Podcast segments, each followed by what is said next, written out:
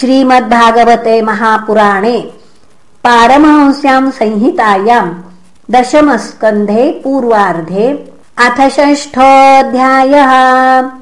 श्रीशुक उवाच नन्दः पथिवच शौरेर्नमृषेति विचिन्तयन्।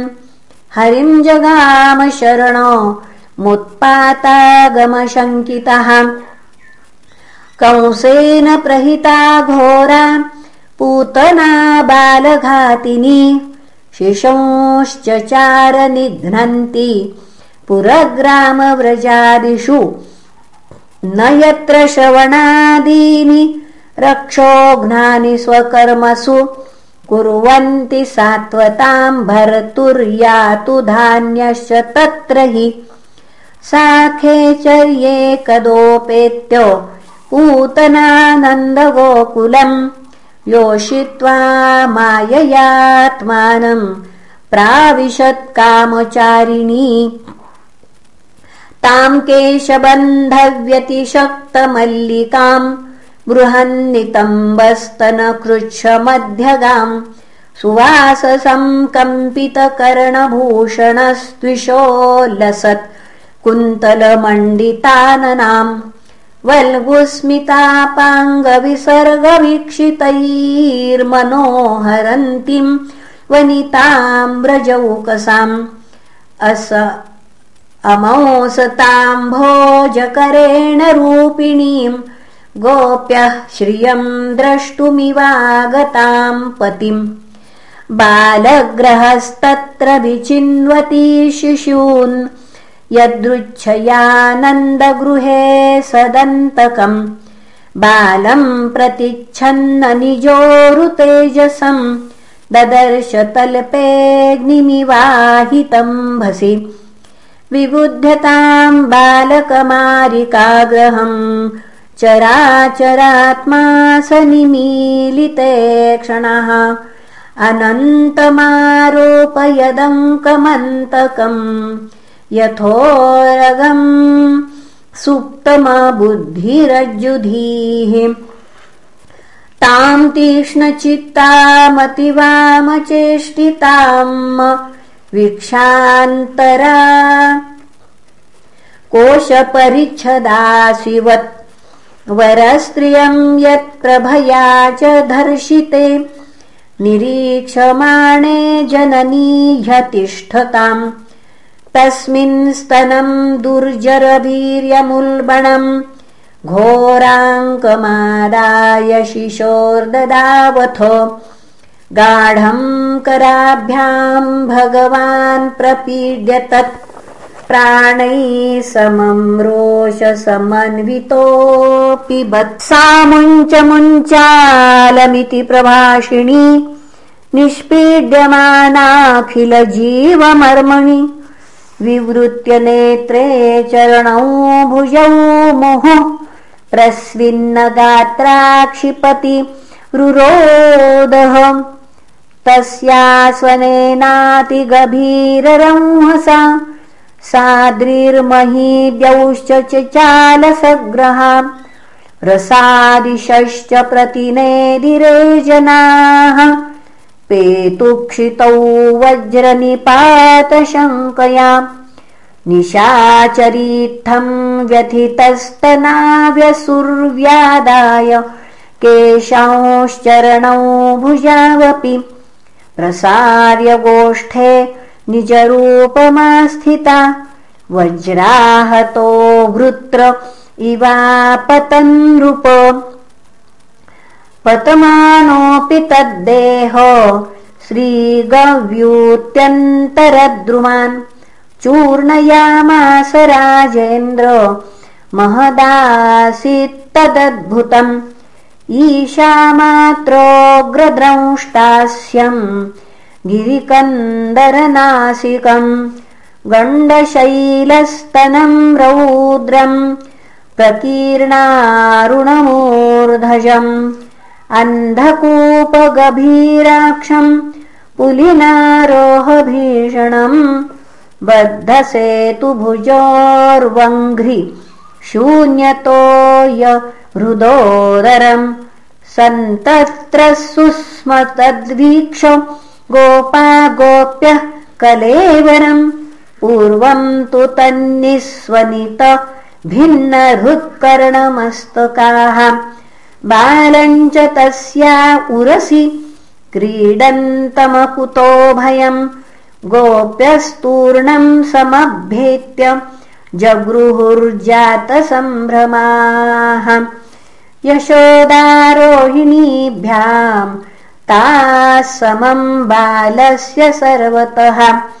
रक्षाम् विदधिरे सम्यक् गोपुच्छभ्रमणादिभिः गोमूत्रेण स्नापयित्वा पुनर्गोरजसार्भकम् रक्षाम् चक्रुश्च शकृताम् द्वादशाङ्गेषु नामभिः गोप्यः सम्पृष्टसलिला अङ्गेषु करयो पृथक् न्यस्यात्मनश्च बालस्य बीजन्याससमकुर्वत अव्याजदजो पुनः अव्यादजोङ्घ्रिमणिमंस्तव जान्वथोरू यज्ञोच्युतः कटितटम् जठरम् हयास्यः। हृत्केशवस्त्वगुदुदर ईश इनस्तु कण्ठम् विष्णुर्भुजम् मुखमुरुक्रम ईश्वरः कम् चक्र्यग्रतः सह गदो हरिरस्तु पश्चात् त्वत्पार्श्वयोर्धनुरसी मधुहाजनश्च। कोणेषु शङ्ख उरुगाय उपर्युपेन्द्र स्तार्क्षक्षितौ हलधर पुरुषः समन्तात्। इन्द्रियाणि ऋषिकेशो प्राणान्नारायणोऽवतु श्वेतद्वीपपतिश्चित्तम् मनो योगेश्वरोऽवतु कृष्णिगर्भस्तु ते बुद्धि मात्मानम् भगवान् परः क्रीडन्तु पातु गोविन्दः शयानम् पातु माधवः। व्रजन्तमव्याद्वैकुण्ठ आसीनम् त्वाम् श्रियः पतिः भुञ्जानम् यज्ञभुक् पातु सर्वग्रहभयङ्करः। डाकिन्यो यातु धान्यश्च कूष्माण्डायेर्भकग्रहाः। भूतप्रेतपिशाच्याश्च यक्षरक्षो विनायकाः। कोटरा रेवती ज्येष्ठा पूतना मातृकादयः उन्मादाये ह्यपस्मारा। देहप्राणेन्द्रियद्रुहः स्वप्नदृष्टा महोत्पाता वृद्धबालग्रहाश्च ये। सर्वे नश्यन्तु ते विष्णोर्नामग्रहणभीरवः। श्रीशुक उवाच इति प्रणयबद्धाभिर्गोपीभिः कृतरक्षणम् पाययित्वास्तनम् माता सन्न्यवेशयदात्मजम्।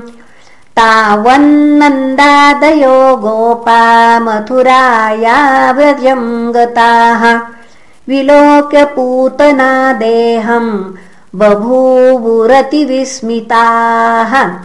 नूनम् बतर्षिः सञ्जातो योगेशो वा समास सहा स एव दृष्टो ह्युत्पातो यदाहानकदुन्दुभिः।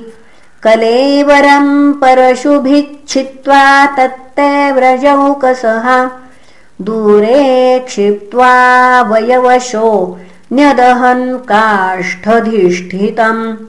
दह्यमानस्य देहस्य धूमश्चागुरुसौरभः उत्थितः कृष्णनिर्भृक्तः सपद्याहतपाम्पनः। पूतनालोकबालग्नी राक्षसीरुधिराशना जिघांसयापि हरये स्तनन् दत्त्वापसद्गतिम् किम् पुनः श्रद्धया भक्त्या कृष्णाय परमात्मने यच्छन् प्रियतमम् किम् नु? रक्तास्तन्मातरो यथाम् वन्दाभ्य पुनः। पद्भ्याम् भक्तहृदिस्थाभ्याम् वन्द्याभ्याम् लोकवन्दितैः। अङ्गम् यस्या समाक्रम्य भगवानपि वत्स्तनम् यातु धान्यपि सा स्वर्गमवाप जननी गतिम्। कृष्णभुक्तस्तनक्षीरा किमु गावोऽनुमातरः पयांसि या सामपिबत् पुत्रस्नेहस्नुतान्यरम्। भगवान् देवकी पुत्रो कैवल्याद्यखिलप्रदः तासामविरतम् कृष्णे कुर्वतीनाम् सुते क्षणम्। नः पुनः कल्पते राजन्। संसारो ज्ञानसम्भवः। कूटधूमस्य सौरभ्यमवग्राह्य व्रजौकसः। किमिदम् कुत एवेति? वदन्तो व्रजमाययुः। ते तत्र वर्णितम् गोपैः पूतनागमनादिकम्। श्रुत्वा तन्निधनम् स्वस्ति। शिशोश्चासनसुविस्मिताः। नन्दस्वपुत्रमादाय प्रेत्यागतमुदारधीः।